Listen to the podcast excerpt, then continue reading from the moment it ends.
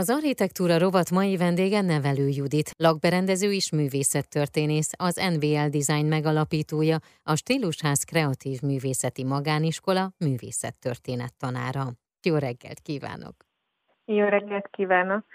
A mai rovatban arról kérdezem a vendégemet, hogy vajon a művészettörténeti tájékozottság hogyan segíti a lakberendező munkáját. Fontos-e? Tulajdonképpen mind a kettő nagyon vizuális szakma. Ugye a művészet történetben alapvetően műalkotásokat, képeket, szobrokat, épületeket nézünk, viszont a lakberendezésben mondjuk alkotunk is. Na és itt jön igazából a kettőnek az egymást támogató hatása, hogy az, amit látunk, amit sokat nézünk, az gyakorlatilag befolyásolja az ízlésünket, az arányérzékünket, és hogyha az ember mondjuk sokat néz műalkotásokat, képeket, akkor ez módosítja az ő tényleges vizuális ízlését. Uh-huh. Na mhm. most az, hogy ugye éveket az ember ilyen műalkotások között tölt, ez így gyakorlatilag elkerülhetetlen, hogyha mondjuk ő egy alkotó tevékenységgel, egy vizuális alkotó tevékenységgel foglalkozik, akkor ez a hatás ne érvényesüljön a munkáján. Tehát igazából ugye a helyes arányoknak az eltalálásában uh-huh. tud nagyon sokat segíteni, de természetesen emellett mondjuk azért lakberendezés nagyon sok műszaki ismeretet is igényel, azért így hozzá kell sok mindent tanulni, de egyszerűen elkerülhetetlen a hatása. Te amikor tanultad a lakberendezést, akkor tanultál-e művészettörténetet, illetve ez most hogy kapcsolódik a te életedhez? Nem véletlenül kérdezem természetesen.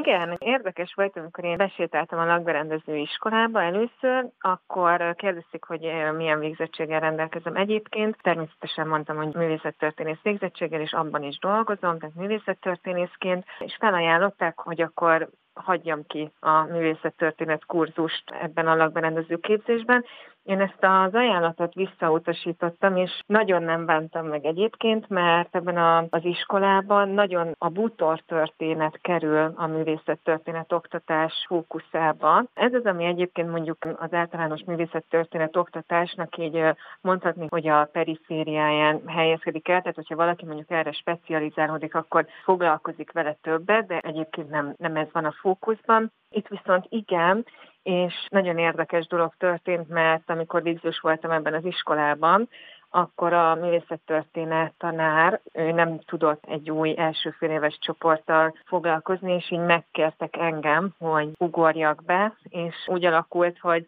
azóta is ott ragadtam, tehát mhm. azóta két művészettörténet tanár tanít ebben az iskolában. És te hogy tanítasz? Nagyon fontosnak tartom azt, hogy azok a az ismeretek, amiket elmondok. Ugye a művészet történet az alapvetően tényleg egy elméleti tantár, tehát igazából ez egy ilyen kicsit ilyen egyirányú kommunikáció szokott lenni, mint mondjuk a gyakorlati órák, tehát hogy a tanár beszél, a hallgatók pedig hallgatják. Én próbálom ezt egy kicsit interaktívabbá tenni, illetve mivel pontosan tudom, hogy milyen feladatai vannak egy lakberendezőnek, olyan feladatokat és olyan kérdéseket teszek fel a hallgatóknak, hogy a tőlem hallottakat, művészettörténet ismereteiket be tudják építeni a lakberendezői tevékenységükbe, a tervezésbe. Én ezt nagyon fontosnak tartom egyébként végig a folyamaton haladva, hogy ők értsék is azt, amiről beszélgetünk, értsék azokat a, az információkat, adatokat be tudják építeni a tervezői tevékenységükbe, amiket tőlem hallanak. Amikor te alkotsz, akkor Igen. hogy szoktál neki fogni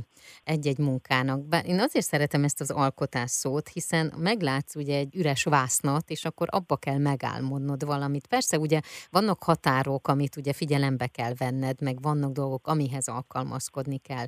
De melyiket szereted jobban, ha szabad kezet kapsz, vagy ha mondjuk nagyon megmondják, hogy mi az irány? Igazából lakberendezés az úgymond egy ilyen alkalmazott szakma, ami azt jelenti, hogy mindig van olyan körülmény, amihez alkalmazkodni kell. Egyrészt ilyen mondjuk magának az épületnek a falai viszonylag ritkán lehet kieptolni, főleg mondjuk, hogyha társaságról beszélünk, de egyébként azért mindig ott van egy ügyfél, aki ott fog élni ebben az otthonban, amit tervezek nekik.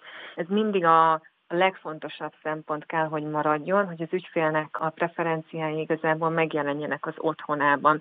Ezt én nem annyira gondolnám korlátnak, én ezt inkább uh-huh. egy egy együttműködésnek érzem az ügyféllel, tehát hogy kicsit együtt alkotjuk meg a, az otthonát, én hozom a szakmaiságot, illetve a kreativitást, ő pedig ugye hát az igényeivel segíti azt, kommunikálja, és akkor, hogy ez tényleg olyan legyen, amilyen ő megálmodott, ne legyen se túl zsúfolt, az otthona, és abszolút az ő ízlését és igényeit tükrözze. Az architektúra rovat mai vendége nevelő Judit lakberendező és művészettörténész, akivel már is folytatjuk a beszélgetést. Az architektúra rovatban ma nevelő Judit lakberendező és művészettörténésszel beszélgetek, az MVL Design megalapítója, aki a Stílusház Kreatív Művészeti Magániskola művészettörténeti tanára is. Azt mondja, munkájában művészettörténészként a különböző stílusok harmonikus érvényesítésére és a helyes arányok megkomponálására fekteti a legnagyobb hangsúlyt, hogy a lakás a legnagyobb örömöt és komfortot nyújtsa a tulajdonosának hosszú-hosszú éveken keresztül. Igen, ami az én tervezői elvem, az kicsit így a 20. századból jön, tehát ugye a modernizmusnak a születésével volt egy ilyen nagyon híres mottója a modernizmusnak, ami úgy szól, hogy a kevesebb több, és ez nem azt jelenti, hogy én a minimalista interiőröknek vagyok kizárólag a híve, hanem ilyenkor mondjuk egy ügyfél, hogyha megérkezik hozzám, akkor nagyon sok ötlete van. Nagyon sok mindent lementett az internetről, inspirációs képeket, viszont általában, hogyha mondjuk mindet szeretné megvalósítani, mondjuk így az esetek nagy részében ez a vágyuk, akkor viszont használhatatlanná válik az otthona, vagy pedig hát egészen egyszerűen nem lesz vizuálisan összhangban.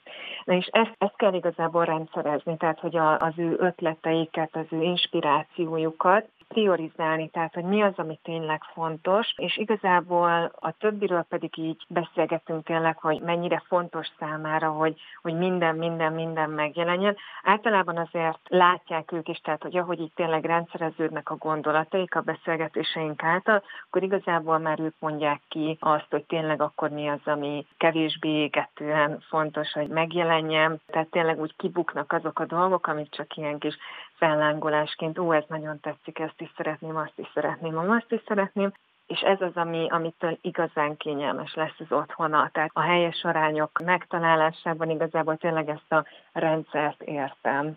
Neked művészettörténészként van-e kedvenc időszakod és stílusod? Hú, hát ez egy nehéz kérdés.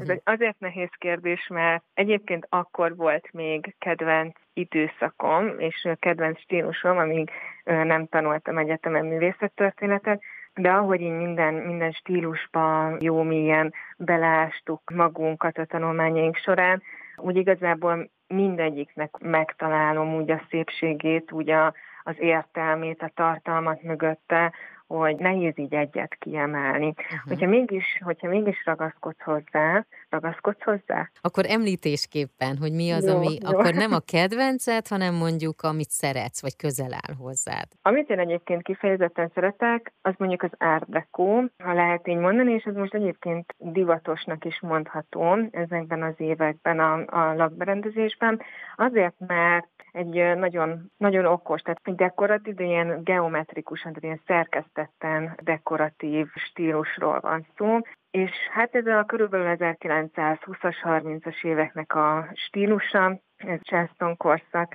uh-huh. időszak, és hát szoktam mondani a hallgatóimnak, hogy 1922-ben fették fel Tutanhamonnak a sírját, és ez az egyiptomi boom, ez akkora hatással volt igazából akkor az emberekre, és hát így a művészetre is, hogy nagyban érezhető az egyiptomi művészet hatása az 1920-as, 30-as évek árdekó stílusában. És egyébként ez most megint megy, az árdekó, már abszolút a 21. századi embernek az igényeire rászabva. Mi az, amit egyébként lakberendezőként szoktatok egymásnak mondjuk kívánni?